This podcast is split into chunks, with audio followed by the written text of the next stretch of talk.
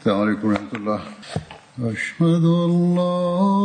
إله إلا الله وحده لا شريك له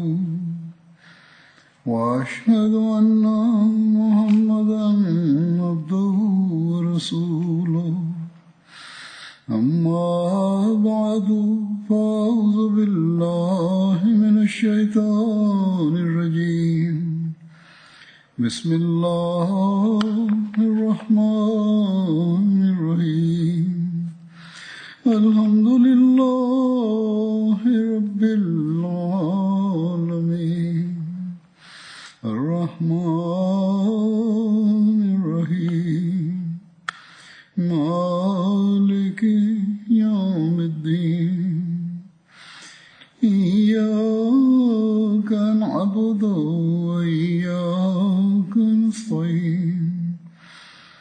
اهدنا الصراط المستقيم صراط الذين أنعمت عليهم غير المغضوب عليهم ولا الضالين 2021ခုနှစ်စက်တင်ဘာလ10ရက်နေ့မှာ Hazrat Amirul Mu'minin Khalifatul Masih Al-Khamis Ayyadahullah Ta'ala bin Nasr Aziz ပြ စ်မခလီဖာသခင်ကြီးကအင်္ဂလန်နိုင်ငံအစ္စလာမာဘတ်တယ်ဖိုရှိမူဘာရက်ဘလီဝေကျောင်းမှာဂျမာခွတ်ဘာမချာခဲ့ပါတယ်။အဲဒီခွတ်ဘာမှာခ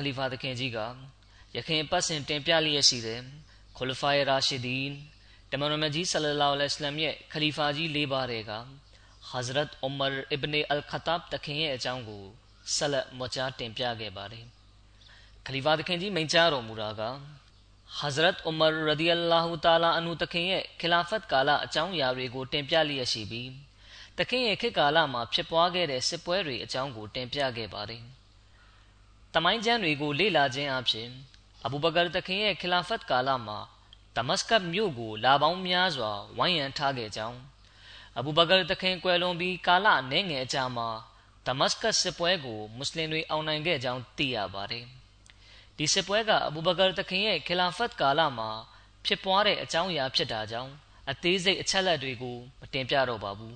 ။အဘူဘကာတခင်ရဲ့အကြောင်းကို တင်ပြတဲ့အခါမှပဲ ဒီစစ်ပွဲအကြောင်း အသေးစိတ်တင်ပြပါမယ်။အင်ရှာအလ္လာဟူတာလာ ဒမတ်စကတ်မြို့ကို အောင်နိုင်ပြီးနောက်မှာ ဖြစ်ပွားခဲ့တဲ့ ဖြစ်စဉ်ဖြစ်ရပ်တွေအကြောင်းကို ယခု ဆက်လက်တင်ပြပါမယ်။ဒမတ်စကတ်မြို့ကို အောင်နိုင်ပြီးနောက်မှာ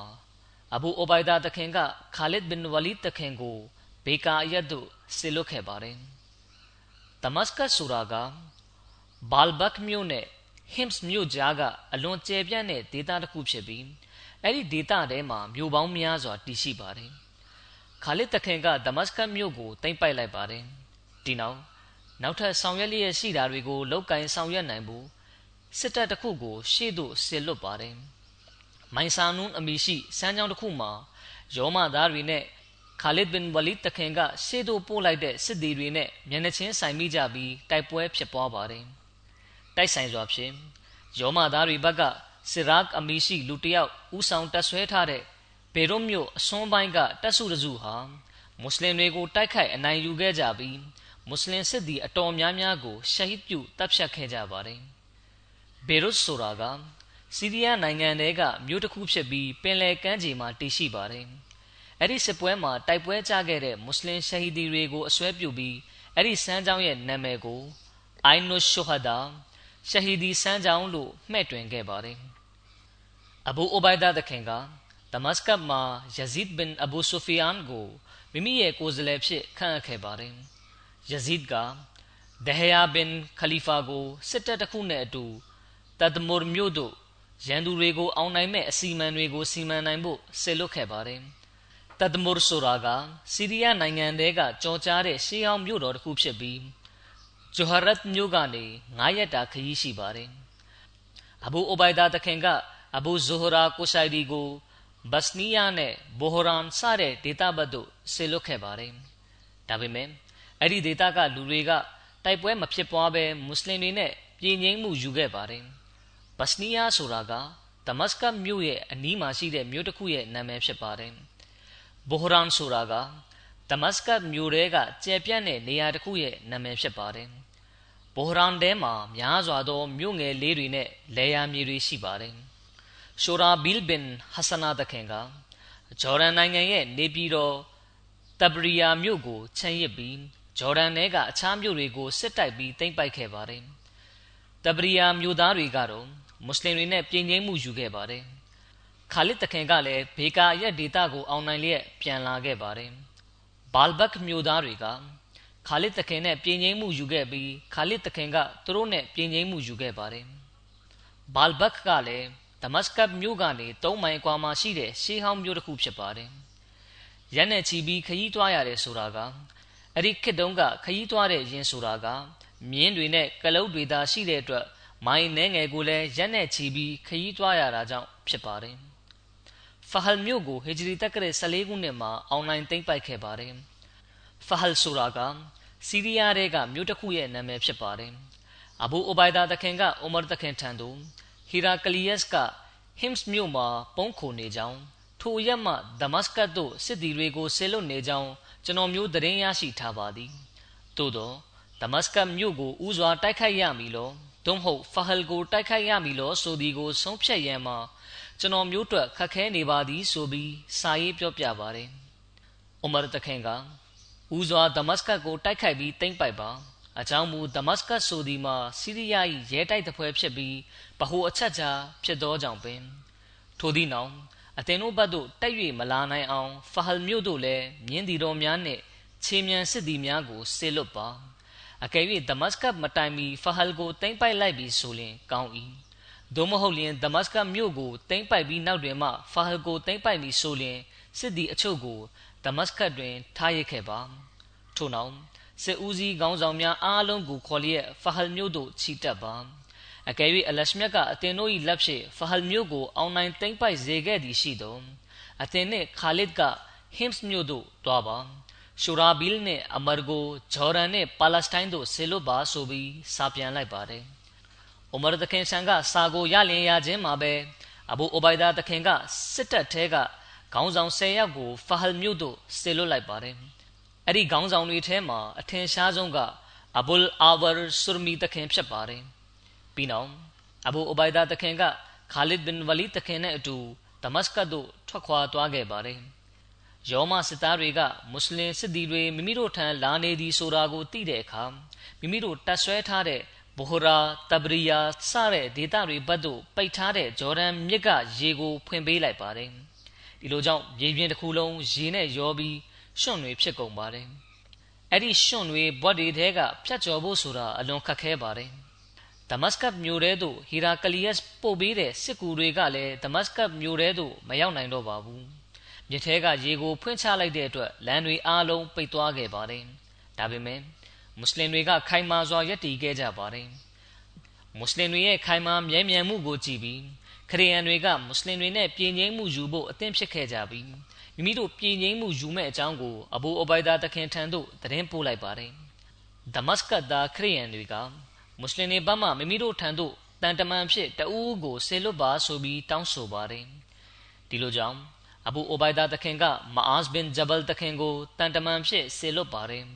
မအာဇ်ဘင်ဂျဘလ်တခင်ကအဲ့ဒီခရီးယန်တွေကိုဥစွာအစ္စလမ်တွင်တင်ချက်တွေကိုတင်ပြပါတယ်ဒါပေမဲ့ခရီးယန်တွေကဒါကိုလက်မခံခဲ့ကြပါဘူးအခြားအကြောင်းအရာတွေကိုတောင်းဆိုတဲ့အပြင်ဒမတ်စကတ်မြို့မှရောမသားခရီးယန်တွေကမအာဇ်တခင်ကိုဘလကာပြည်နယ်နဲ့အတင်တို့ပိုင်နိုင်ငံနဲ့ဆက်ဆက်နေတဲ့ဂျော်ဒန်နိုင်ငံရဲ့အစိပ်ပိုင်းကိုယူပြီးမိမိတို့တင်ထားတဲ့ပါရှင်ပြည်သို့ပြန်ပါဆိုပြီးတောင်းဆိုပါတယ်။အစကတော့ ရောမသားတွေကမွတ်စလင်တွေကိုတိုက်ခိုက်ဖို့စစ်သည်အင်အားတွေစုဆောင်းနေပြီးမိမိတို့စစ်ရှုံးတော့မဲ့အချိန်ကြမှာအခုလိုတောင်းဆိုကြခြင်းဖြစ်ပါတယ်။ဒီတောင်းဆိုချက်ကိုမအာစ်တခင်ကလက်မခံခဲ့ဘဲညှင်းပယ်လိုက်ပြီးပြန်ထွက်လာခဲ့ပါတယ်။ဒီခါရောမသားတွေကအဘူအဘိုင်ဒါတခင်နဲ့ဓာတ်ရိုက်စကားပြောဖို့တောင်းဆိုပါတယ်။ဒီအတွက်ယောမသားတွေကမိမိတို့ရဲ့အထူးတန်တမန်တအူးကိုဆေလွတ်လိုက်ပါတယ်။ယောမသားတန်တမန်ကမွတ်စလင်တွေရှိရာရွက်ဖြင်တဲသို့ရောက်ရှိတဲ့အခါ အဘူအိုဘိုင်ဒါတခင်ကမြေပြင်ပေါ်မှာထိုင်လျက်လက်ထဲမှာမြားတံကိုကင်ထားပါတယ်။ယောမတန်တမန်ကမွတ်စလင်စစ်ဦးစီးချုပ်တယောက်ဟာအဆောင်ရောင်တွေနဲ့တခမ်းတနာရှိနေမှာပဲလို့ယူဆထားပေမယ့်ဒီနေရာမှာလူတိုင်းကိုကြည့်လိုက်တော့အားလုံးတပုံစံနဲ့လိုပဲတူညီနေတာတွေ့ရပါတယ်ဒီလိုနဲ့နောက်ဆုံးမှာယောမတန်တမန်ကဝေခွဲမရတော့ပဲမွတ်စလင်တွေကိုအသင်တို့ခေါင်းဆောင်ကဘသူလဲဆိုပြီးမေးပါတယ် ဒီခါမွတ်စလင်တွေကအဘူအိုဘိုင်ဒါသခင်ဘတ်တို့ညွှန်ပြကြတာကြောင့်ယောမတန်တမန်ကအံ့ဩသွားပြီးအဘူအိုဘိုင်ဒါသခင်အားတကယ်ပဲအသင်ကခေါင်းဆောင်လားလို့မေးပါတယ်အဘူအိုဘိုင်ဒါသခင်ကဟုတ်ပါတယ်ဆိုပြီးပြန်ဖြေတယ်ယောမတန်တမန်ကကျွန်ုပ်တို့သည်အသင်တို့၏စစ်သည်များကိုတအူးလျင်ငွေအသပြားများစွာပေးပါမည်အသင်တို့ဤနေရာမှထွက်သွားပေးပါလို့တောင်းဆိုပါတယ်ဒါပေမဲ့ အဘူအိုဘိုင်ဒါတခင်ကသူ့ရဲ့တောင်းဆိုချက်ကိုလက်မခံဘဲညှင်းပယ်လိုက်ပါတယ်ယောမတန်တမန်လည်းအလွန်စိတ်ဆိုးလျက်ပြန်ထွက်လာခဲ့ပါတယ်ဒီအချိန်တွေကိုကြည့်ပြီးအဘူအိုဘိုင်ဒါတခင်ကမိမိရဲ့စစ်သည်တွေကိုရန်သူကတိုက်ခိုက်လာရင်ပြန်လည်ခုခံတိုက်ခိုက်ဖို့အသင့်အနေထားရှိနေကြဖို့အမိန်ပေးလိုက်ပါတယ်ပြီးတဲ့နောက်အဘူအိုဘိုင်ဒါတခင်ကအခြေအနေအကြောင်းစုံနဲ့ပတ်သက်ပြီးအိုမာတခင်ထံစာရေးပြောပြပါတယ်စာကိုလက်ခံရရှိတဲ့အခါအိုမာတခင်ကကောင်းပြီ အသင်တို့ရှေ့ဆက်ချီတက်နိုင်သည်အသင်တို့ခိုင်မာစွာရပ်တည်ကြပါအလရှမြတ်ဒီအသင်တို့အားကူညီဆောင်မတော်မူလိမ့်မည်ဆိုပြီးစာပြန်လိုက်ပါတယ်ယောမသားတွေကမွတ်စလင်တွေနဲ့ဆွေးနွေးလို့မရတာကြောင့်စစ်ပြင်နေကြပါပြီဒီအတွက်ဥမာတခင်ကရှေ့သို့ချီတက်ဖို့အမိန်ပေးလိုက်ရခြင်းဖြစ်ပါတယ်အဘူအဘိုင်ဒါတခင်ကယောမတန်တမန်နဲ့ဆွေးနွေးပြီးတဲ့နေ့မှာပဲမိမိစစ်သည်တွေကိုစစ်တိုက်ဖို့အသင့်ပြင်ဆင်ကြရန်အမိန်ပေးခဲ့ခြင်းဖြစ်ပါတယ် ဒါပေမဲ့ယောမသားတွေကမွတ်စလင်တွေနဲ့တိုက်ခိုက်ဖို့ထွက်မလာခဲ့ကြပါဘူးဒီလိုနဲ့နောက်တနေ့နနက်မှာခါလစ်ဘင်ဝလီတခင်ကမြင်းဒီတော်တချို့နဲ့အတူစစ်မြေပြင်သို့ထွက်ခွာလာခဲ့ပါတယ်စစ်မြေပြင်မှာယောမသားတွေကလည်းအသင့်အနေထားနဲ့စောင့်နေကြပါတယ်ဒီနောက်နှစ်ဖက်စစ်သားတွေကြားမှာတိုက်ပွဲဖြစ်ပွားကြပါတယ်မွတ်စလင်တွေရဲ့တိုက်ရိုက်ခိုက်ရီခိုင်မာစွာရပ်တည်မှုစတာတွေကိုကြည့်ပြီးယောမစစ်ဗိုလ်ချုပ်ကထပ်ပြီးစစ်တိုက်နေလို့ ဘာမှထူးမှာမဟုတ်ဘူးဆိုတာကို နားလည်သွားပါတယ်ဒီလိုကြောင့်သူကတပ်ပြန်ခောက်ဖို့ဆုံးဖြတ်ခဲ့ပါတယ်အဲဒီနောက်မှာခါလစ်ဘင်ဝလီတခင်ကမိမိရဲ့စစ်သည်တွေကိုယောမသားတွေကမိမိတို့အင်အားကိုထောက်ပြပြီးဖြစ်တယ်အခုငါတို့အလဲ့ပဲဆိုပြီးညာတန်ပေးလိုက်ပါတယ်ခါလစ်တခင်ထံကဒီလိုညာတန်ပေးတာကိုကြားတာနဲ့မွတ်စလင်စစ်သည်တွေကယောမသားတွေကိုရုတ်တရက်တိုက်ခိုက်ပြီးအစိတ်စိတ်အပိုင်းပိုင်းပြုတ်နိုင်ခဲ့ပါတယ် ယောမာသားခရိယန်တွေကမိမိတို့ထံစစ်ကူအလာကိုစောင့်ပြီးတိုက်ပွဲကိုပယ်ဖြတ်ကြောင်းကြေညာပါတယ်တကယ်တော့ဒါကသူတို့ရဲ့ပြည့်ရဖြစ်ပါတယ်အဲ့ဒီပြည့်ရကိုခါလစ်တခင်ကသဘောပေါက်ပါတယ်ဒီလိုကြောင့်ခါလစ်တခင်ကအဘူအဘိုင်ဒါတခင်ထံသို့ယောမာသားတွေကိုကျွန်ုပ်တို့စီးမိုးထားနိုင်ပြီဖြစ်တယ်အခုကသူတို့ကိုတကယ်တိုက်ရမယ့်အချိန်ဖြစ်တယ်လို့စာရေးပြောပြပါတယ်ဒီလိုကြောင့် အဘူဝိုင်ဒါတခင်ကယောမသားတွေကိုအပီးတိုင်ခြေမုံတိုက်ခိုက်ဖို့ခွင့်ပြုချက်ပေးခဲ့ပြီးနောက်တစ်နေ့တွင်တိုက်ပွဲစတင်ပြီးစစ်သည်တို့အသင့်ပြင်ဆင်ထားကြပါဆိုပြီးကြေညာစေခဲ့ပါတယ်ဒီလိုနဲ့ညာတကောင်လွဲချိန်ကစပြီးအဘူအိုဘိုင်ဒါတခင်ကစစ်သည်တွေကိုတန်းဖွဲ့စေပါတယ်ယောမသားတွေရဲ့စစ်သည်အင်အားက9000ခန့်ရှိပါတယ်အိုမာတခင်ရဲ့ဘဝဖြစ်စဉ်ဖြစ်ရပ်တွေကိုရေးသားပြုစုတော့ထေရပတိကျမ်းပြုပုဂ္ဂိုလ်နှစ်ဦးဖြစ်တဲ့ဟီရာကလီယက်စ်နဲ့ ဆလာဘီကယောမစစ်သည်အင်အားကိုတသိန်းရှိတယ်လို့ဆိုထားပါတယ်မိတို့ဆိုစီမွတ်စလင်စစ်တပ်နဲ့ယောမစစ်တပ်ကြားမှာတနားကြာအလွန်ပြင်းထန်စွာစစ်ပွဲဖြစ်ပွားခဲ့ပါတယ်အဒီနောက်မှာယောမသားတွေအခြေခိုင်စွာမရက်တီနိုင်တော့ဘဲပြိုလဲလာပါတယ်ဒီလိုနဲ့နောက်ဆုံးမှာယောမစစ်သားတွေကမရှုမလအရေးနိုင်ပြီးထွက်ပြေးသွားကြပါတယ်နောက်ပိုင်းမှာအိုမာတခင်က မွတ်စလင်တွေတိမ့်ပိုက်လိုက်သောမြေနေရာတွေအားလုံး၎င်းတို့၏မူလပိုင်ရှင်ထံမှရှိနေစေရမည်မိသူထံကမျှမြေနေရာကိုယူမိမဟုတ်ထို့ပြင်လူတို့၏အသက်စီစဉ်ဥစ္စာမြေနေရာနေအိမ်နှင့်ဝပြူရာနေရာများစသည်တို့အားလုံးမှာလုံခြုံစွာရှိနေရမည်ဗလီဝကျောင်းတော်အတွက်သာမြေနေရာယူမိဖြစ်သည်ဆိုပြီးကြေညာစေခဲ့ပါတယ်ဒီနောက်ဘေဆာမြို့ကိုအောင်နိုင်သိမ့်ပိုက်ခြင်းအကြောင်းကိုတင်ပြပါမယ် ရှူရာဘီလ်တခင်နဲ့ အမာဘင် အာစ်တခင်တို့ကဖဟလ်မြို့ကို အောင်နိုင်ပြီးနောက်မှာ ဘေဆာမြို့ဘက်သို့ခြိတက်ပြီး ဘေဆာမြို့ကို ဝိုင်းရန်ပိတ်ဆို့လိုက်ပါတယ်။အဲဒီချိန်မှာ အဘူလ်အာဝါနဲ့ သူ့ရဲ့စစ်တပ်တွေကခေါင်းဆောင်တချို့က ဝိုင်းရန်ထားခြင်းဖြစ်ပါတယ်။ဘေဆန်ဆိုတာက တဘရီယာမြို့နဲ့18မိုင်ကွာမှာရှိတဲ့ မြို့တစ်ခုဖြစ်ပါတယ်။ဂျော်ဒန်နိုင်ငံပိုင်နက်ထဲက ဒမတ်စကတ်မြို့ပေါ်စစ်ပွဲနဲ့ အခြားစစ်ပွဲတွေမှာ ယောမတွေဇက်တိုက် ရှုံးနေတဲ့သတင်းကပြန့်နှံ့ခဲ့ပြီးဖြစ်ပါတယ် လူတွေကလည်းရှူရာဘီလ်တခင်အမာဘင်အာစ်တခင်ဟာရစ်ဘင်ဟေရှမ်တခင်နဲ့ဆဟလ်ဘင်အမာတခင် စတဲ့ခေါင်းဆောင်တွေက မိမိတို့ စစ်သည် ကိုစီကို ခေါ်လျက် ဘေဆာမြို့သို့ခြိတက်လာပြီးဖြစ်ကြောင်း သိရှိသွားကြပါတယ် ဒီလိုကြောင့် လူတွေက နေရာနံမှာရှိတဲ့ ရဲတိုက်တွေမှာ ဝင်ရောက် ပုံအောင်ကြပါတော့တယ်ရှူရာဘီလ်တခင်က ဘေဆာမြို့သို့ ရောက်ရှိပြီးနောက် မြို့သားတွေကိုရန်နှဲငယ်ကြာထိဝိုင်းရန်ထားလိုက်ပါတယ်အဲဒီနောက်မြို့သားတချို့ကတုံ့ပြန်တိုက်ခိုက်ဖို့အတွက်ရဲတိုက်တွေထဲကနေထွက်လာကြတဲ့အခါမွတ်စလင်တွေကသူတို့ကိုတံပြန်တိုက်ခိုက်ကြပါတယ်နောက်ဆုံးရန်သူတွေကိုအနိုင်ရခဲ့ပါတယ်ကြံရှိတဲ့မြို့သားတွေကမွတ်စလင်တွေနဲ့ပြည်ငိမ့်မှုယူဖို့တောင်းဆိုကြပါတယ်ဒီခါမွတ်စလင်တွေကဒမတ်စကတ်မြို့သားတွေနဲ့ပြည်ငိမ့်ရေးချုပ်ဆိုတုန်းကစာချုပ်ပါအချက်တွေတိုင်းပြည်ငိမ့်ရေးစာချုပ်ချုပ်ဆိုခဲ့ကြပါတယ် တဖန်တပရိယာမြို့ကိုအောင်နိုင်သိမ့်ပိုက်ခဲ့တဲ့အကြောင်းကို တင်ပြပါမယ်တပရိယာမြို့သားတွေကမွတ်စလင်တွေဟာဘေဆာမြို့ကိုသိမ့်ပိုက်ပြီးမြို့သားတွေနဲ့ပြည်ငိမ့်ရေးစာချုပ်ချုပ်ဆိုတဲ့အကြောင်းသတင်းရရှိတဲ့အခါသူတို့ကအဘူလ်အာဝါတခင်နဲ့မိမိတို့ကိုရှူရာဘီလ်တခင်ထံပို့ဆောင်ပေးရမည်ဆိုတဲ့ကန့်သက်ချက်နဲ့ပြည်ငင်းရေးစာချုပ်အတွက်သဘောတူမှုကိုရရှိခဲ့ပါတယ်။အဘူလ်အာဝါတခင်ကသူတို့ရဲ့တောင်းဆိုချက်ကိုလက်ခံခဲ့ပါတယ်။ ဒီလိုနဲ့မွတ်စလင်တွေကတဘရီယာမျိုးသားတွေနဲ့ရောဘေဆာမျိုးသားတွေနဲ့ပါဒမတ်စကတ်မျိုးသားတွေနဲ့ချုပ်ဆိုခဲ့တဲ့ငြိမ်းချမ်းရေးသဘောတူစာချုပ်ပါကန့်သက်ချက်တွေအတိုင်းစာချုပ်ချုပ်ဆိုခဲ့ကြပါတယ်။ဒါပြင်မြို့တွေနဲ့မြို့စုံတွေမှာရှိတဲ့တောရွာတွေစတဲ့ဒေသအသီးသီးနဲ့တဝက်ကိုမွတ်စလင်တွေကပိုင်ဆိုင်မှာဖြစ်ပြီးကျန်တဲ့နေရာတဝက်ကိုရောမသားတွေက နေထိုင်နိုင်ကြောင်းနှစ်စဉ်ဒီနာငွေတည်င်းကားနဲ့လဲထွက်ကောက်ပဲတိနံတည်င်းကို အခွန်ဖြစ် ပုံမှန်ပေးရမှာဖြစ်ကြောင်း စတဲ့ ကန့်သက်ချက်တွေကိုလည်း သဘောတူစာချုပ်ထဲမှာ ထည့်ချုပ်နိုင်ခဲ့ပါတယ် ဒီချက်တွေကို ရောမသားတွေကလည်း သဘောတူခဲ့ကြပါတယ် အဲဒီနောက်မှာ မွတ်စလင်ခေါင်းဆောင်တွေနဲ့ သူတို့ရဲ့စစ်သည်တွေက မိမိတို့အတွက် သတ်မှတ်ထားတဲ့ မြို့တွေနဲ့ ရွာတွေထဲမှာ နေထိုင်စပြုလာကြပါတယ် ဒီလိုနဲ့ ဂျော်ဒန်နိုင်ငံ ပြည်ငင်းရေးသဘောတူညီမှုက ပြီးပြည့်စုံခြင်းသို့ ရောက်ခဲ့ပါတယ် ဒါပြင် ထက်ရောက်လာတဲ့မွတ်စလင်စစ်ကူအားလုံးကလည်းဂျော်ဒန်နိုင်ငံအနှံ့မှာနေထိုင်လာကြပါတယ်စစ်ပွဲအနိုင်ရရှိတဲ့ဝမ်းမြောက်ဖွယ်သတင်းကောင်းကိုအိုမာတခင်ထံစာရေးပေးပို့ခဲ့ပါတယ်ဒီနောက် Hims မြို့ကိုအောင်နိုင်သိမ့်ပိုက်တဲ့အကြောင်းကိုတင်ပြပါမယ်။ဒါကဟီဂျရီတက္ကရာ14ခုနှစ်မှာဖြစ်ပွားခဲ့ခြင်းဖြစ်ပါတယ်။တပရိယာမြို့ကိုအောင်နိုင်သိမ့်ပိုက်ပြီးနောက်အဘူအိုဘိုင်ဒါတခင်က Hims မြို့ဘက်သို့ခြိတက်ပါတယ်။ Hims ဆိုတာက စီးရီးယားနိုင်ငံထဲကကြော်ကြားတဲ့ မြို့တစ်ခုဖြစ်ပြီး စစ်ရေးနဲ့ နိုင်ငံရေးမှာ အထူးအရေးပါတဲ့ မြို့တစ်ခုဖြစ်ပါတယ်။ Hims မြို့ကစီးရီးယားထဲကဒမတ်စကတ်မြို့နဲ့ Halb မြို့ကြားမှာ ရှိပါတယ်။ Hims မြို့မှာ အလွန်ကြီးမားတဲ့ဖျားဝတ်ပြုကြောင်းရှိပြီး အဲဒါကို ကြည့်ရှုဖို့ လူတွေက အလွန်ဝေးလံတဲ့ ဒေသတွေကနေ လာရောက်ကြပါတယ်။အရက်ဒေသအသီးသီးမှ လူများစွာတို့က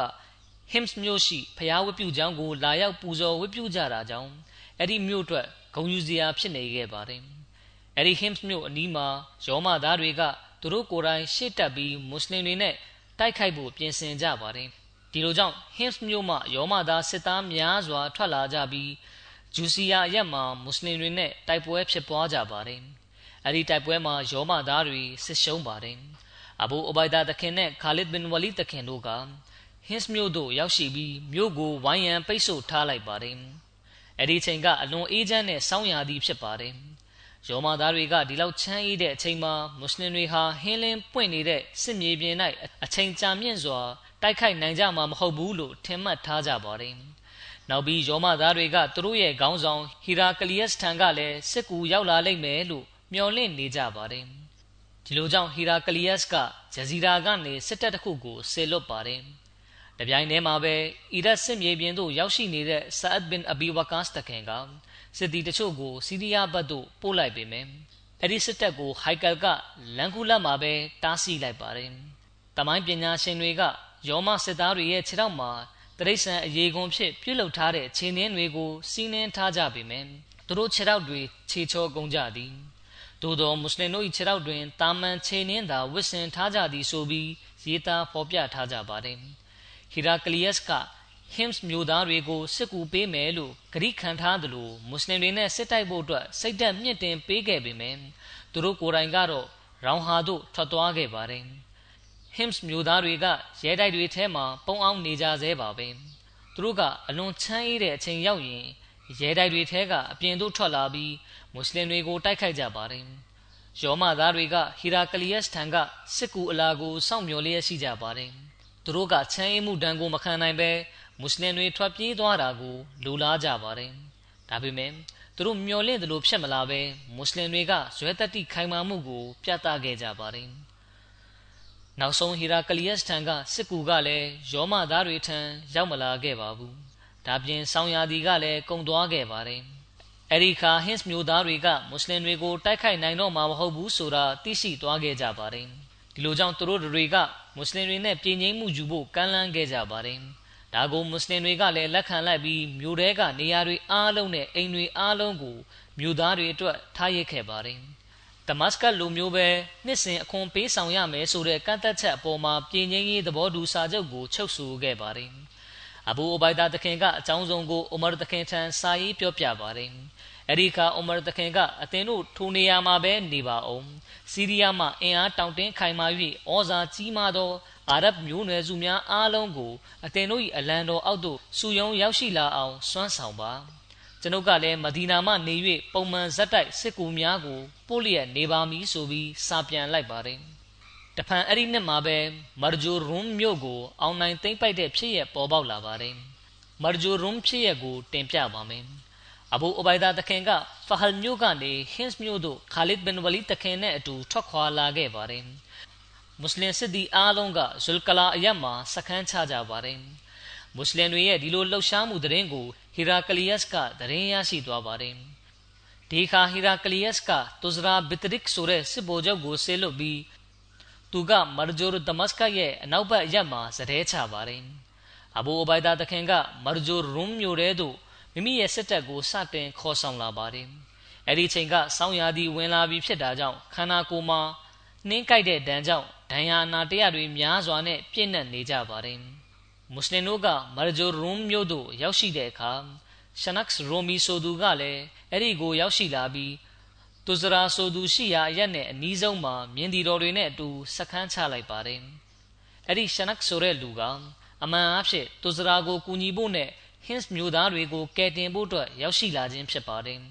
ညာချိန်ရောက်တဲ့အခါတူဇရာကမိမိစခန်းချထားတဲ့နေရာကနေထွက်ခွာလာတဲ့အတွက်အဲ့ဒီနေရာကလစ်ဟာသွားပါတယ်တူဇရာနဲ့ရှင်ပြိုင်တိုက်ခိုက်ဖို့အတွက်ခါလစ်ဘင်ဝလီတခင်ကရှိနေပြီး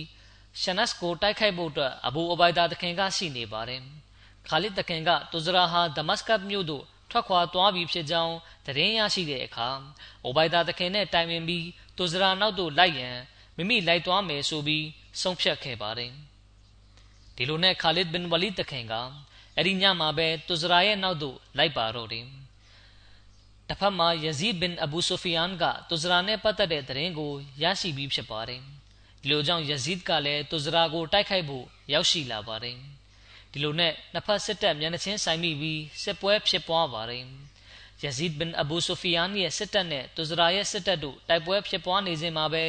နောက်ဘက်ကနေခါလစ်ဘင်ဝလီတခင်နဲ့တခင်ရဲ့စစ်တပ်ကရောက်ရှိလာပါတယ်ခါလစ်တခင်ရဲ့စစ်တပ်ကနောက်ဘက်ကနေတူဇရာစစ်တပ်ကိုတိုက်ခိုက်ပါတယ်တူဇရာရဲ့စစ်တပ်ကရှေ့ဘက်ကရောနောက်ဘက်ကပါတိုက်ခိုက်ခံရမှုကြောင့်ညံ့ညက်ကြေခဲ့ပါတယ်မွတ်စလင်တို့ကရန်သူစစ်သားတွေကိုတေခြင်းတရားမှာထာဝရအိတ်ဆက်စေခဲ့ပါတယ်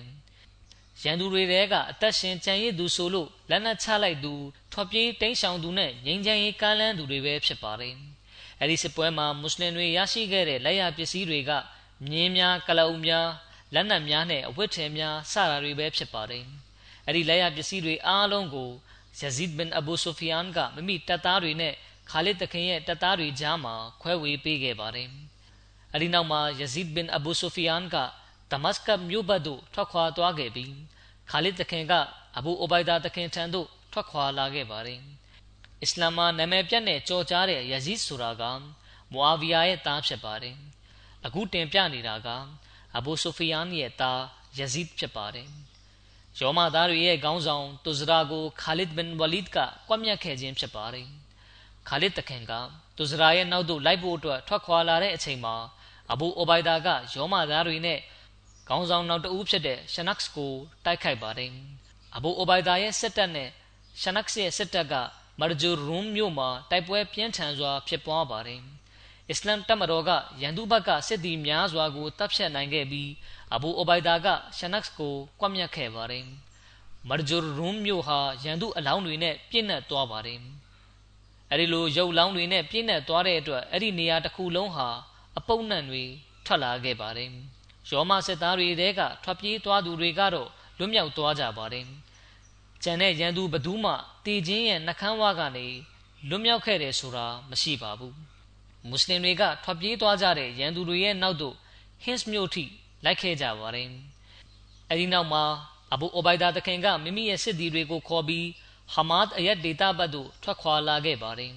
ဟမတ်ဆိုတာကစီးရီးယားတွေကရှီဟောင်းမြို့တစ်ခုဖြစ်ပြီးဒမတ်စကတ်မြို့ကနေ9ရက်ခရီးသွားရပါတယ် 9ရက်ခရီးဆိုတာကအဲ့ဒီခေတ်ကခရီးသွားတဲ့ရင်အခြေအနေနဲ့တိုင်းတာပြီးပြောခြင်းဖြစ်ပါတယ်ဟမတ်မြို့သားတွေကမွတ်စလင်တွေရဲ့ရှေ့မှာလက်နက်ချအညံ့ခံခဲ့ကြပါတယ်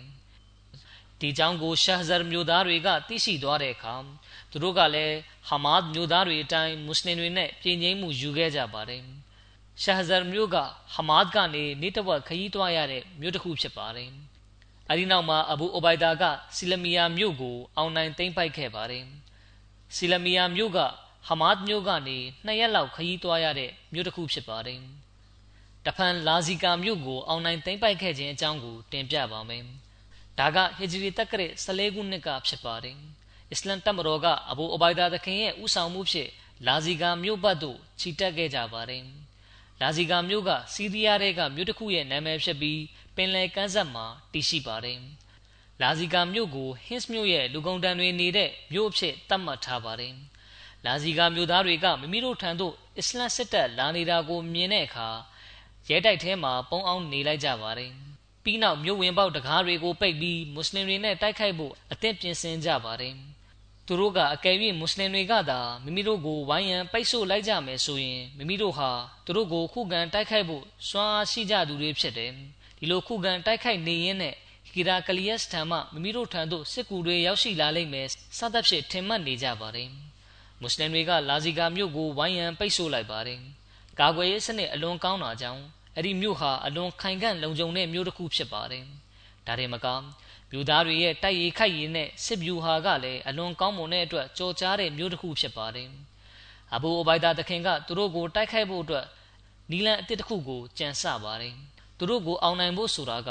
အလွန်ခက်ခဲကြောင်းအဘူအိုဘိုင်ဒါတခင်ကခံစားမိပါတယ်။အကယ်၍သူတို့ကိုတိုက်ခိုက်ဖို့အတွက်မြို့ကိုဝိုင်းရန်ပိတ်ဆို့ပြီးမြို့ပြင်မှာရွက်ပြင်တဲထိုးထိုင်ဆောင်နေမယ်ဆိုရင်အချိန်ကာလအားဖြင့်အလွန်ကြာညောင်းသွားလိမ့်မယ်။ဒါပြင်အဲ့ဒီလောက်ကြာညောင်းတဲ့အချိန်တွင်းမှာရန်သူဘက်ကစစ်ကူကလည်းသူတို့ထံသို့ရောက်ရှိလာနိုင်တယ်ဒီလိုဆိုရင်အရှုံးကိုရင်ဝယ်ပိုက်ပြီးပြန်ရဖို့ပဲရှိမယ်ဆိုတာကိုတခင်ကနားလေသိရှိပါတယ် ဒီလိုကြောင့်အဘူအဘိုက်ဒါတခင်ကညဘတ်တွေမှာအလွန်နှဆိုင်တဲ့ကျင်းကြီးတွေကိုတူးစေပါတယ်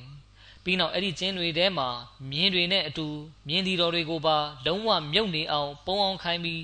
အပေါ်ကနေမျက်တွေနဲ့ဖုံးလိုက်ပါတယ်နနက်ရောက်တဲ့အခါမြို့ကိုဝိုင်းရန်ပိတ်ဆို့ထားတဲ့စစ်သည်တွေအားလုံးပြန်ရုပ်သိမ်းပြီးဟစ်မြို့ဘက်သို့ထွက်ခွာလာခဲ့ပါတယ်။လာစီကမြို့သားတွေကပိတ်ဆို့ဝိုင်းရန်ထားမှုတွေကိုပြန်လည်ရုပ်သိမ်းသွားတာကိုမြင်တဲ့အခါပျော်ရွှင်နေကြပါတယ်။ ဒီလိုကြောင့်စိတ်လက်ပေါ်ပါစွာပဲမြို့ရဲ့အဝင်တကားတွေအားလုံးကိုဖွင့်ချလိုက်ပါတယ်။တစ်ဖက်မှာကအဘူအဘိုက်ဒါသခင်ဟာညဘက်မှာဝိုင်းရန်ပိတ်ဆို့ထားတဲ့မိမိရဲ့စစ်တပ်ကိုပြန်လည်ရုပ်သိမ်းတရားပြုပြီးလိုင်ကူတချို့မှာပုံအောင်နေခြင်းဖြစ်ပါတယ်။နနလင်းတဲ့အခါမြို့တကားတွေအားလုံးဖွင့်ချလိုက်တော့အရန်တင်းစောင့်နေတဲ့မွတ်စလင်စစ်သည်တွေကလာစီကာမြို့ထဲသို့ဝင်ရောက်လျက်တိုက်ခိုက်ပါတော့တယ်မွတ်စလင်စစ်သည်တချို့ကမြို့တကားနေရာတွေကိုတိမ့်ပိုက်လိုက်ကြပါတယ် မြို့ပြင်ရောက်နေကြတဲ့လာစီကာမြို့သားတွေကထွက်ပြေးမှအသက်ချမ်းသာရရမယ်လို့ယူဆလျက်ထွက်ပြေးသွားကြပါတယ်မြို့ထဲမှာရှိကြသူတွေကတော့ကြောက်ရွံ့တုန်လှုပ်လျက်ရှိကြပါတယ်ဒီလိုကြောင့်သူတို့ကမိမိတို့အသက်ချမ်းသာရရရေးအတွက်အကြီးကျယ်တိုင်ပင်ဆွေးနွေးပြီးအဖြေရှာကြပါတော့တယ်။သူတို့အတွက်လက်နက်ချအညံ့ခံဖို့ကလွဲပြီးအခြားလမ်းမရှိပါဘူး။ဒီလိုနဲ့နောက်ဆုံးမှာလာဇီကာမျိုးသားတွေက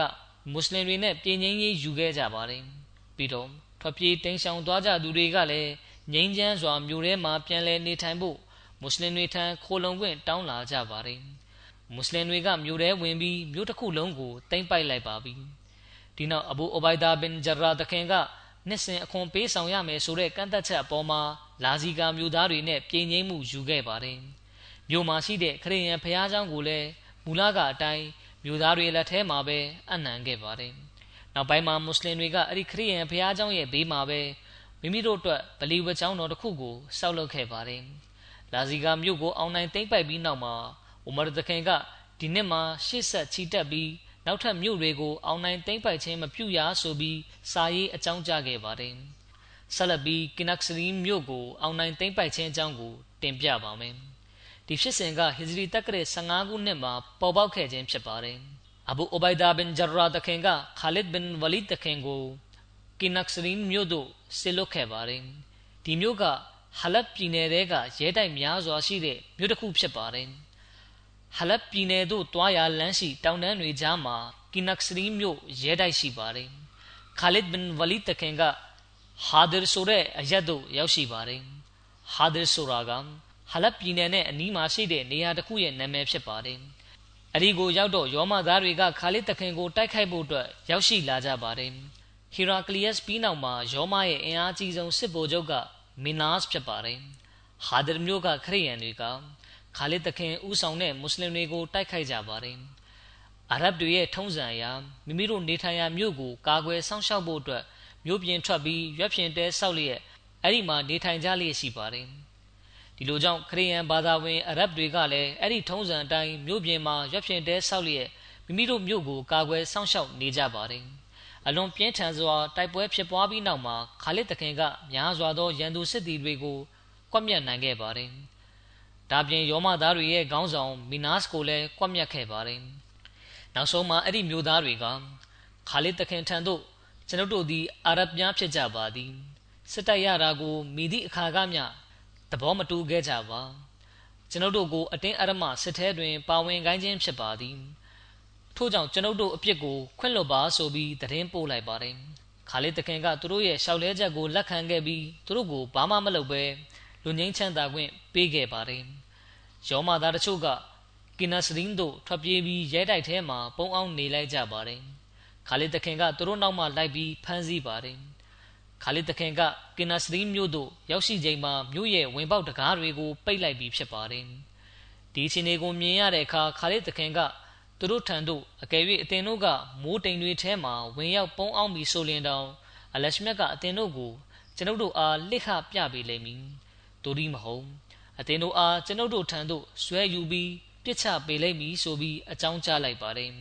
ရန်နေငယ်ချာသည့်အထိရန်သူတွေကရဲတိုက်ထဲမှာပဲပုံအောင်နေကြပါတယ် ဒါပေမဲ့နောက်ဆုံးကီနက်စရီမျိုးသားတွေကအခုတော့မိမိတို့လွတ်မြောက်နိုင်ပြီလမ်းကိုမမြင်တော့ကြောင်းယုံကြည်သွားကြတာကြောင့်၎င်းတို့ကဟင်းစ်မြို့နဲ့ပြည်ငင်းရေးစာချုပ်ချုပ်ဆိုစဉ်ကတတ်မှတ်ခဲ့သောကန့်သက်ချက်များအတိုင်းမိမိတို့နဲ့လည်းပြည်ငင်းရေးစာချုပ်ချုပ်ဆိုပါဆိုပြီးတောင်းဆိုခဲ့ကြပါတယ်။ဒါပေမဲ့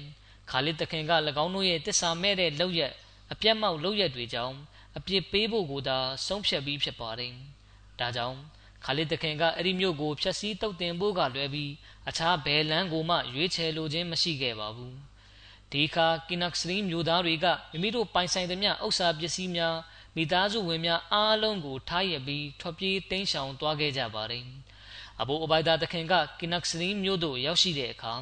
ခါလစ်တခင်ရဲ့ဆုံးဖြတ်ချက်ကလုံးဝတရားမျှတမှုရှိတာကိုတွေ့ရပါတယ်။ ဒီနောက်မှာမြို့တဲကရဲတိုက်တွေနဲ့အခြားခိုလုံရာအဆောက်အုံတွေကိုဖြိုချခဲ့ပါတယ်။တရားမျှတမှုကိုဥထိပ်ပန်ဆင်လျက်ဆောင်ရွက်စရာရှိတာတွေကိုဆောင်ရွက်ပြီးနောက်မှာချက်ချင်းမြတ်တာဖြစ်လဲပြုမှုဆက်ဆံရမယ်ဆိုပြီးခါလစ်တခင်ကတွေးတောမိပါတယ်။ဒီလိုကြောင့်မြို့သားတွေကိုသူတို့မူလကတောင်းဆိုထားတဲ့အတိုင်းငြိမ်းချမ်းခိုလုံမှုကိုပေးခဲ့ပါတယ်။မြို့ထဲမှာရှိတဲ့ခရီးယန်ဖျားရှိခိုးကျောင်းတွေနဲ့နေအိမ်တွေကိုမြို့သားတွေနဲ့မွတ်စလင်တွေကြားမှာခွဲဝေမှုပြုလုပ်ပါတယ်။ မွတ်စလင်တွေကမြို့ရဲ့ပိုင်ဆိုင်မှုတဝက်ကိုပဲတင်ပိုက်ခဲ့ခြင်းဖြစ်ပြီးကြံတဝက်ကိုမြို့သားတွေလက်ထဲမှာသာရှိစေပါတယ်။နောက်ပြီးအခြားစင်ပြန်ချက်တွေမှာလာရှိကြရာမြို့ထဲကမြေနေရာတချို့ကိုယူပြီးအဲ့ဒီမှာဗလီဝကျောင်းတွေကိုဆောက်လုပ်ပါတယ်။ကျန်တဲ့မြေနေရာတွေအားလုံးကိုတော့မြို့သားတွေထံမှသာထားရစ်ခဲ့ကြောင်းသိရပါတယ်။မူလကထွက်ပြေးသွားကြသူတွေကလည်းအခွန်ပေးဆောင်ရပါမည်ဆိုတဲ့ကန့်သက်ချက်နဲ့မိမိတို့မြို့သို့ပြန်လာခဲ့ကြပါတယ်။ အောင်နိုင်သိမ့်ပိုက်ထားပြီးသားအခြားနယ်မြေဒေသတွေလိုပဲကင်နက်စရီမြို့ကိုလည်းမွတ်စလင်တွေကအလွန်ကောင်းမွန်စွာပြုမှုဆက်ဆံခဲ့ကြပါတယ်။စစ်မှန်တဲ့စံချိန်တွေကိုအခြေခံပြီး၎င်းတို့ကြားမှာတရားမျှတမှုကိုအခြေချတိစောက်ခဲ့ပါတယ်။အဲလိုတရားမျှတမှုကိုတိဆောက်တာကြောင့်ဘလောက်ထိတကိုးဩဇာကြီးတဲ့သူဖြစ်ပါစေအားနည်းတဲ့သူစွမ်းအားမရှိတဲ့သူပေါ်မှာမတရားပြုအနိုင်ကျင့်တာမျိုးတွေလုပ်လို့မရတော့ပါဘူးဆက်လက်ပြီး ကီဆာရီယာမြို့ကို အောင်နိုင်သိမ်းပိုက်ခဲ့ခြင်းအကြောင်းကို တင်ပြပါမယ်ဒီဖြစ်စဉ်ကလည်း ဟီဂျရီတက္ကရာ15 ခုနှစ်မှာ ဖြစ်ပွားခဲ့ခြင်းဖြစ်ပါတယ် ကီဆာရီယာဆိုတာကစီးရီးယားနိုင်ငံထဲက ဂန္နာယမြို့ပြတစ်ခုဖြစ်ပြီးတပရီယာမြို့ကနေ ၃ ရက်တာခရီးကွာလန်းပါတယ် ကီဆာရီယာမြို့သိမ်းတိုက်ပွဲက ဘယ်နှခုနှစ်မှာ ဖြစ်ပွားခဲ့တယ်လဲဆိုတာနဲ့ပတ်သက်ပြီး စစ်မြန်ချက်အသီးသီးတွေ့ရပါတယ် စစ်မြန်ချက်တစ်ခုမှာက အထက်မှာတင်ပြခဲ့သလို ဟီဂျရီတက္ကရာ15ခုနှစ်လို့ဖော်ပြထားပါတယ်နောက်ထပ်စစ်မြန်ချက်တွေမှာတော့ဟီဂျရီတက္ကရာ16ခုနှစ်19ခုနှစ်နဲ့20ခုနှစ်စသဖြင့်အသီးသီးဖော်ပြထားပါတယ်အဘူအိုဘိုင်ဒါတခင်ကယောမကိုလိုနီမြောက်ဘက်ပိုင်းမှာစစ်ပွဲတွေကိုဇက်တိုက်အနိုင်ရနေချိန်မှာအမရ်ဘင်အာစ်တခင်ရှူရာဘီလ်ဘင်ဟဆနာတခင်စသူတို့ကပါလက်စတိုင်းဘက်မှာရှိတဲ့ယောမသားတွေနဲ့စစ်ခင်းနေခြင်းဖြစ်ပါတယ်။ အဲဒီတာဝကတော်တွေကရန်သူတွေကိုအနိုင်ယူဖို့ကြိုးစားနေကြခြင်းဖြစ်ပါတယ်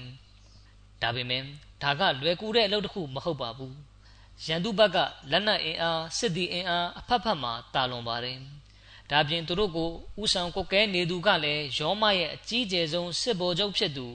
အတရဘွန်းကကုတ်ကဲနေခြင်းဖြစ်ပါတယ်။ ဗိုလ်ချုပ်အတရဘွန်းရဲ့တိုက်ရေးခတ်ရေးစီမံကွက်ကဲမှုစွမ်းရည်စစ်ဗျူဟာအခင်းကျင်းစတာတွေမှာသူ့ကိုဘယ်သူမှလိုက်မမီပါဘူးအတရဘွန်းက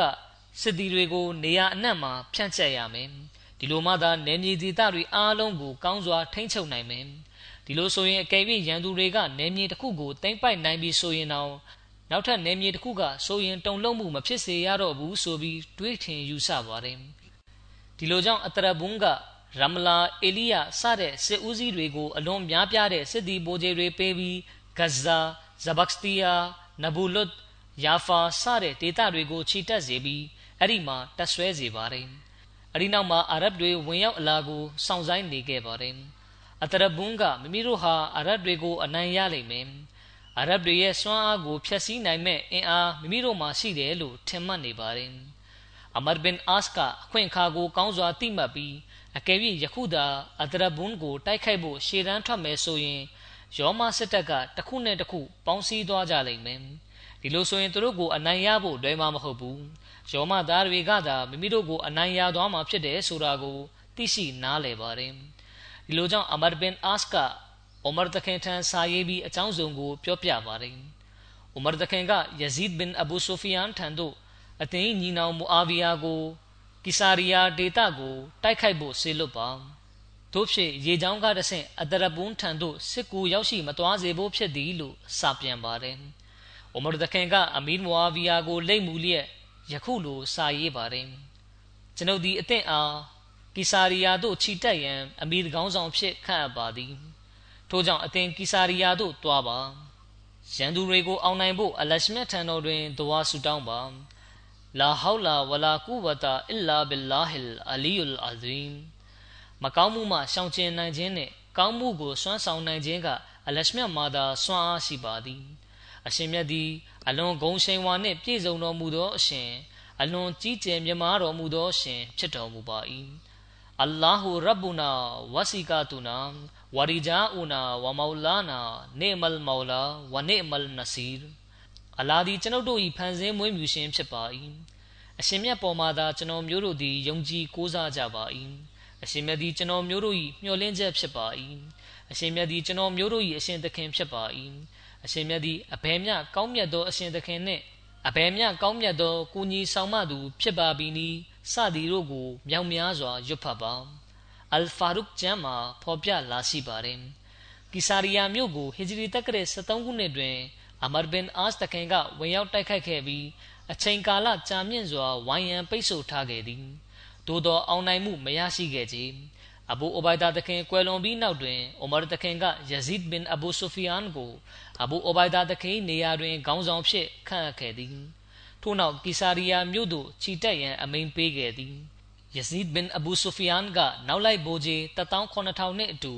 ကာစီရီယာသို့ထွက်ခွာလာခဲ့ပြီး ကာစီဒီယာမြို့ကိုဝိုင်းရန်ပိတ်ဆို့ခဲ့သည်။တို့ရာတွင်ဟီဂျရီတက္ကရာ18ခုနှစ်တွင်ယဇီဒ်ကနာမကျမ်းဖြစ်သောကြောင့်မိမိညီနောင်အမီဒ်မိုအာဗီယာကိုမိမိနေရာတွင်ခန့်အပ်လျက်ဒမတ်စကတ်သို့ပြန်လာခဲ့သည်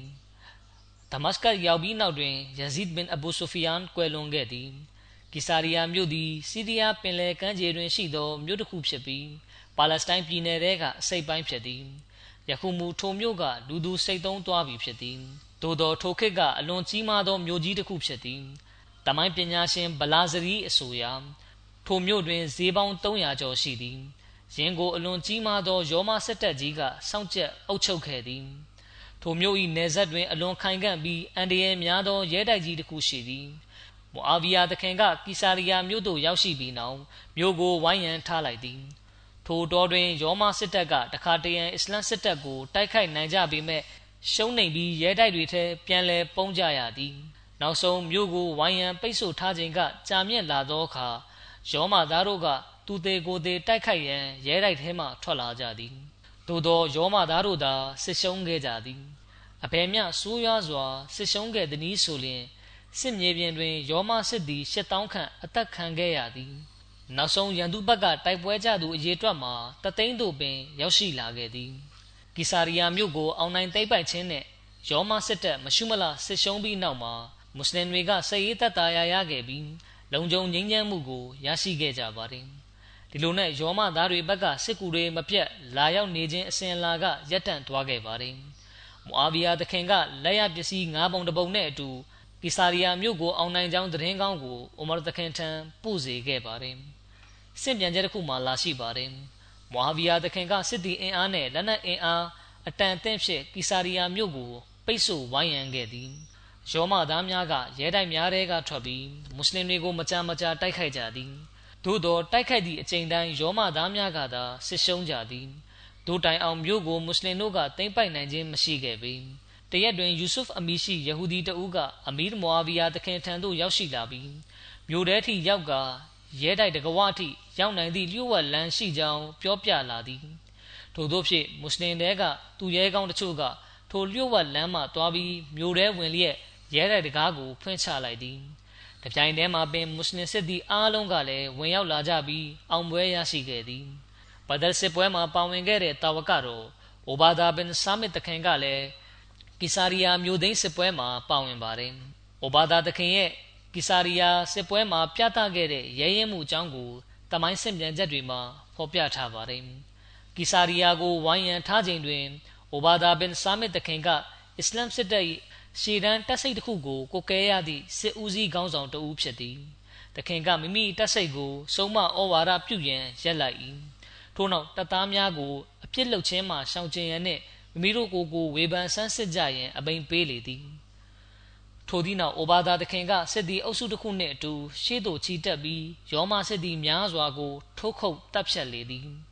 သို့တော်လည်း မြို့ကို သိမ်းပိုက်ခြင်းမိသော မိမိရည်မှန်းချက်တွင် ကောင်းစွာ အောင်မြင်မှု မရခဲ့ကြ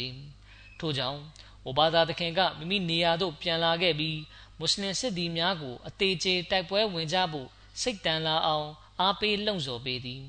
တဖန်မိမိနှင့်အတူ အလွန်များပြားသော စစ်သည်များကို ခေါ်ဆောင်လျက် တိုက်ခိုက်ပါတော့လဲ အပိသက်အောင်မြင်မှုမရဘဲပြန်လာရခြင်းကြောင့်မိမိအနေနဲ့အလွန်အံ့အားသင့်ကြောင်းစစ်သည်များကို ပြောပြသည်ထို့နောက်အိုဘာသာသခင်ကမိမိစစ်သည်များကိုဤသို့ပြော၏အိုအစ္စလမ်ဥယျာဉ်မှုတို့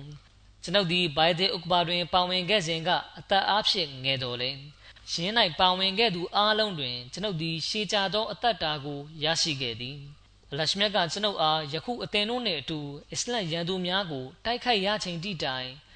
အသက်ရှင်အောင်ထားမည်ဟု ဆုံးဖြတ်တော်မူခဲ့သည့်အတိုင်းယခုကျွန်ုပ်အသက်ရှင်လျက်ရှိပေသည်ကျွန်ုပ်အသက်ကိုစိုးပိုင်တော်မူသောအရှင်ကိုတတ်တည်ထားကျိန်ဆိုပြီးပြောလိုပါသည်ကျွန်ုပ်သည်တဝင်ယုံကြည်သူတို့၏အုပ်စုကိုခေါ်ဆောင်လျက်မုရှရစ်ရုပ်စင်းတို့ကိုကွယ်သူတို့၏အုပ်စုကိုတိုက်ခိုက်ချိန်တိုင်းကျွန်ုပ်တို့သည်သာအောင်မြင်မှုကိုရရှိခဲ့သည်သို့ဆိုလျှင်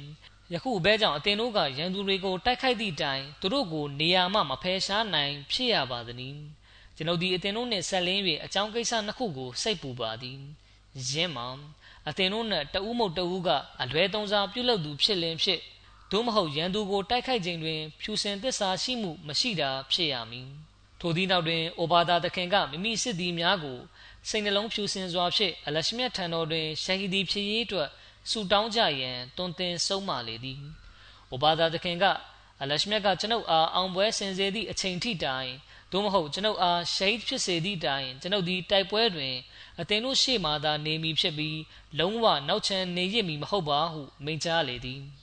ထို့သောဖြင့်ယောမသားတို့နှင့်မွတ်စလင်တို့အကြားတိုက်ပွဲဖြစ်ပွားသောအခါဝဘာသာတခင်ကမြင်းပေါ်မှခုန်ချပြီးခြေလျင်တိုက်ပွဲဝင်သည်အိုမိုင်ဘင်ဆတ်အန်ဆာရီကဝဘာသာတခင်ကိုခြေလျင်တိုက်ပွဲဝင်နေကြောင်းတွေ့သောအခါ စစ်တပ်ခေါင်းဆောင်တိုင်းနှင့် နောက်လိုက်ဗိုလ်ကြီးတိုင်းခြေလျင်တိုက်ပွဲဝင်ကြဖို့တတ်မှတ်ပြဋ္ဌာန်းလိုက်လေသည်အိုမာရီတခင်ကစစ်တပ်ခေါင်းဆောင်ရော နောက်လိုက်တပ်သားတွေပါဝဘာသာသခင်ကဲ့သို့ခြေလျင်တိုက်ပွဲဝင်ရမည်ဟုအမိန့်ထုတ်ပြန်လိုက်သည်ထိုအမိန့်အားလျော်စွာမွတ်စလင်ခေါင်းဆောင်တိုင်းနှင့်နောက်လိုက်တပ်သားအားလုံးတို့ကယောမသားတွေကိုခြေလျင်တိုက်ပွဲဝင်၍အပြင်းထန်တိုက်ခိုက်ကြသည်နောက်ဆုံးမှာယောမစစ်သားများစစ်ရှုံး၍ထွက်ပြေးသွားပြီး မြို့တဲကရဲတိုက်ထဲတွင် ပုံအောင်နေကြတော်သည်မွတ်စလင်တို့သည် ကာစီရီယာကို အောင်နိုင်သိမ်းပိုက်ခဲ့ကြသည့်နီးတူ ဂါဇာကိုလည်းသိမ်းပိုက်နိုင်ခဲ့ကြသည်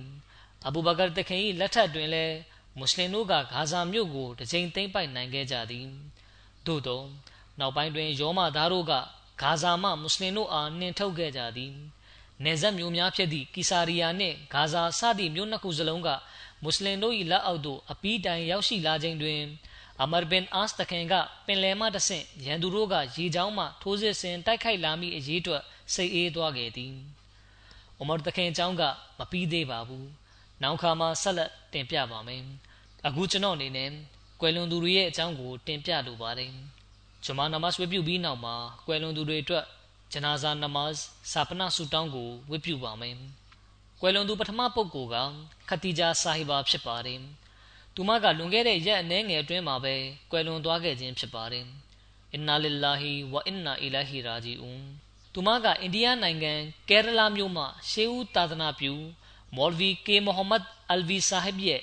ဇနီးဖြစ်ပါတယ်။သူမက အလွန်ကောင်းမွန်တဲ့ အရေးသွေးများစွာကို ပိုင်ဆိုင်ထားသူ ဖြစ်ပါတယ်။သူမမှာ သားနှစ်ယောက်နဲ့ သမီး၅ယောက် ကျန်ရစ်ခဲ့ပါတယ်။ကွယ်လွန်သူ ဒုတိယပုဂ္ဂိုလ်က မလစ် ဆူလ်တန် ရရှိဒ် ခန်ဆာဟစ် ဖြစ်ပါတယ်။ သူကဩဂုတ်လ22ရက်နဲ့23ရက်ကြားညချိန်မှာကွယ်လွန်သွားခဲ့ခြင်းဖြစ်ပါတယ်။အင်နာလ illah ဝအင်နာအီလိုင်ဟီရာဂျီအွန်သူဖခင်ကဒုတိယခလီဖာသခင်ရဲ့လက်တော်မှာဘိုင်ယတ်ဂျူလီယက်အာမဒီယာဂျမတ်ထဲဝင်ရောက်လာသူဖြစ်ပါတယ်။မလစ်ဆူလ်တန်ဆာဟစ်ကအာတက်ပြည်နယ်ရဲ့ဂျမတ်အမီးဖြစ်တာဝန်ထမ်းဆောင်ခဲ့သူဖြစ်ပါတယ်။သူကဘာသာရေးကိုလော်ကီရေးထက်ဦးစားပေးသူဖြစ်ပါတယ်။ ဂျမတ်ကိုအလုပ်ကြီးပြုဖို့ဆိုရင် အမြဲတမ်းအသင့်ဖြစ်နေတတ်သူဖြစ်ပါတယ်။သူဟာခလာဖတ်ကိုအယူမူချစ်မြတ်လို့သူဖြစ်ပြီးနံဝင်ခြင်းပိုင်းတိုးတက်ဖို့ အမြဲကြိုးစားနေသူဖြစ်ပါတယ်။ပြီးတော့ သူဟာလက်ရှမြတ်နဲ့လည်း အဆက်အသွယ်ရသူဖြစ်ပါတယ် ဒါပေမဲ့လည်း ဒီယာတွေကို သူကဘသူ့ကိုမှ ထုတ်ဖော်ပြောလို့မရှိပါဘူး မလစ် ဆူလ်တန်ဆပ်ကိုကြီးထောက်ပံ့ပေးနေတဲ့ မိသားစုများစွာရှိပါတယ် သူက အာမဒီယတ်ရဲ့ သတင်းစကားဖြန့်ချီရတာကို အလွန်နှစ်သက်သူဖြစ်ပြီး သူ့ရဲ့အားထုတ်မှုကို အကြောင်းခံပြီး လူများစွာတို့ဟာ အမှန်တရားဘက်သို့ ရောက်ရှိလာခဲ့ကြပါတယ် အချိန်တော်များများကို သူက မိမိရဲ့အရှင်သခင် အလရှမြတ်ရှိတော်မောက်မှာဝိပုစုတောင်းခြင်းတွေနဲ့ ကုံလွန်တက်သူတဦးလည်း ဖြစ်ပါတယ်။သူဟာဘဝတုတ အလွန်ကျွယ်ဝသူဖြစ်ပြီးမစီမောဒလိုင်စလန်တခင်ရဲ့ ကျမ်းစာအုပ်တွေကို များစွာ ဖတ်ရှုထားသူတဦးလည်း ဖြစ်ပါတယ်။သူမှာ နောက်ထပ် များစွာသော မွန်မြတ်တန်ရှင်းတဲ့ အရေးချင်းတွေလည်း ရှိပါသေးတယ်။ ကွယ်လွန်သူတတိယပုဂ္ဂိုလ်ကအဗ်ဒุลကယုမ်ဆာဟစ်ဖြစ်ပါတယ်။သူကအင်ဒိုနီးရှားနိုင်ငံကဖြစ်ပါတယ်။သူကလည်းအခုရပိုင်းအတွင်းမှာကွယ်လွန်သွားခဲ့ခြင်းဖြစ်ပါတယ်။အင်နာလ illah ဝအင်နာအီလိုင်ဟီရာဂျီအွန်သူကအဗ်ဒุลဝါဟစ်ဆူမာဒရီဆာဟစ်ရဲ့တားတော်မောင်ဖြစ်ပါတယ်သူဖခင်အဗ်ဒุลဝါဟစ်ဆာဟစ်ကပထမဆုံးနိုင်ငံသားမိုဘလစ်သာသနာပြုတဦးဖြစ်ပါတယ်အဗ်ဒุลကယုမ်ဆာဟစ်က Petroleum Economics မှာ မဟာဘွဲ့ရရှိခဲ့ပြီးနောက်ပိုင်းသူဘွဲ့ရရှိထားတဲ့ပညာနဲ့ပဲအင်ဒိုနီးရှားနိုင်ငံရဲ့နိုင်ငံယာဒူးနယ်ပယ်အသီးသီးမှာအလုပ်လုပ်ကိုင်ခဲ့ပါတယ်နိုင်ငံတာဝန်ကနေအနားယူပြီးနောက်မှာ Chemical Engineering မှာပါရဂူဘွဲ့ရရှိခဲ့ပါတယ်။သူကမိမိနိုင်ငံကိုနီလန်အသီးသီးနဲ့အကျိုးပြုခဲ့သူဖြစ်ပါတယ်။သူကအစိုးရကိုတဘာဝတန်းငွေထုတ်လုပ်တဲ့ဤပညာကိုတင်ပြခဲ့ပြီးအဲ့ဒီဤပညာရဲ့အကျိုးကျေးဇူးကြောင့်နိုင်ငံအတွက်အမေရိကန်ဒေါ်လာ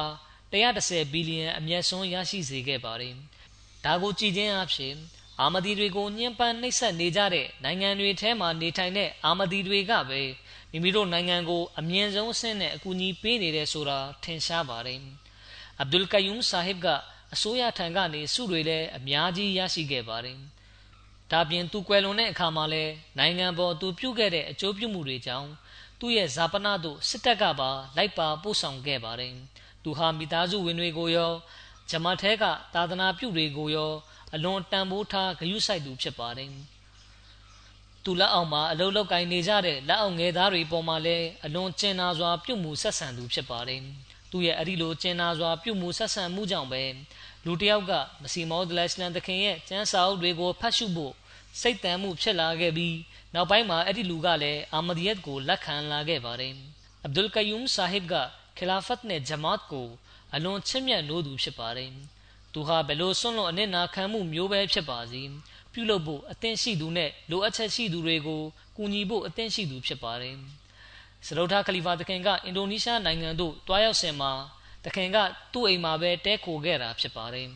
သူကမိမိဟာအာမဒီတယောက်ဖြစ်တယ်ဆိုတဲ့အချက်ကိုဘယ်တော့မှဖုံးကွယ်ထားခြင်းမရှိပဲအဲ့ဒီလိုမဖုံးမကွယ်နေရတာကိုသူကအမြဲဂုဏ်ယူနေတတ်သူဖြစ်ပါတယ် သူကဂျမားအတွက်များစွာကူညီခဲ့သူဖြစ်ပြီးပလီဝကြောင်းများဧည့်သည်နားနေဆောင်များဂျမားအတွက်အခြားအဆောက်အုံများစွာကိုစောက်လုပ်လှူဒန်းခဲ့သူဖြစ်ပါတယ်ကွယ်လွန်သူစလုတ်ထပုဂ္ဂိုလ်ကဒါဝုဒ်ရဇာက်ယူနွတ်ဆာဟစ်ဖြစ်ပါတယ်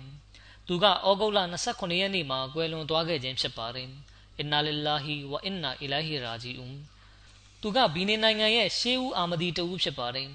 သူ့မိသားစုဝင်တွေကတော့အခုထိအာမဒီမဖြစ်သေးပါဘူး သူမိသားစုဝင်တွေကိုလည်းအာမဒီဖြစ်လာအောင်အလရှမြတ်ပြုပေးတော်မူပါစေသူဟာပညာတတ်အာမဒီတဦးဖြစ်ပြီးပြင်သစ်နိုင်ငံကနေအမ်အေဘွဲ့ရရှိလာသူဖြစ်ပါတယ်သူဟာမှန်ကန်ဖြောင့်မတ်သူတကွာတရားရှိသူဖြစ်ပြီးငါးချိန်နမတ်ကိုပုံမှန်ဝတ်ပြုသူဖြစ်ပါတယ်သူဟာမစီမောဒလစ်လန်တခင်နဲ့ခလီဖာတွေကိုချစ်မြတ်နိုးသူဖြစ်ပြီးဂျမတ်ရဲ့ကျမ်းစာအုပ်တွေကိုပုံမှန်ဖတ်ရှုသူဖြစ်ပါတယ် သူက ဘီနီနိုင်ငံ Humanity First မှာလည်း တာဝန်ထမ်းဆောင်ခဲ့မှုသူ ဖြစ်ပါတယ် သူဟာ ဂျမတ်အတွက် ဥစ္စာဒနလှူဒန်းတဲ့နေရာမှာ ရှေ့တန်းကရှိသူဖြစ်ပြီး သူပိုင်ဆိုင်တဲ့မြေကိုလည်း ဂျမတ်အတွက် လှူဒန်းခဲ့ပါတယ် အလရှမဒီ ကွယ်လွန်သူအားလုံးကို မဂ်ဖီရတ်တနာကျင်နာတော်မူလျက် ခွင့်လွှတ်ချမ်းသာ ပြုတော်မူပါစေ သူတို့ရဲ့ နံပိုင်းအစဉ်တန်းကိုလည်း မြင့်တင်ပေးတော်မူပါစေ ကျန်ရင်သူ မိသားစုဝင်တွေကိုလည်း ကြံ့ကြံ့ခံလျက်ယက်တီနိုင်စွမ်း ပေးတော်မူပါစေ ကြံရစ်ခဲ့တဲ့သားသမီးတွေမြင်းမြစ်တွေကိုလည်းသူတို့တိုင်းကောင်းမှုပွားများအားထုတ်နိုင်စွမ်းပေးသနာတော်မူပါစေအာမင် الحمد لله الحمد لله نحمده ونستعينه ونستغفره ونؤمن به ونتوكل عليه ونعوذ بالله من شرور أنفسنا ومن سيئات أعمالنا من يهده الله فلا مضل له ومن يضلله فلا هادي له. ونشهد أن لا إله إلا الله ونشهد أن محمدا عبده ورسوله. عباد الله رحمكم الله.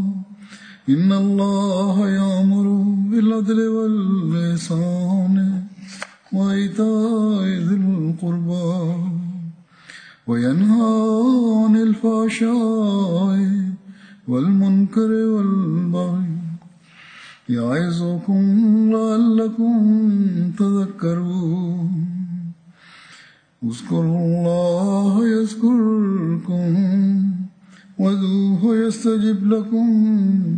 ولذكر الله أكبر.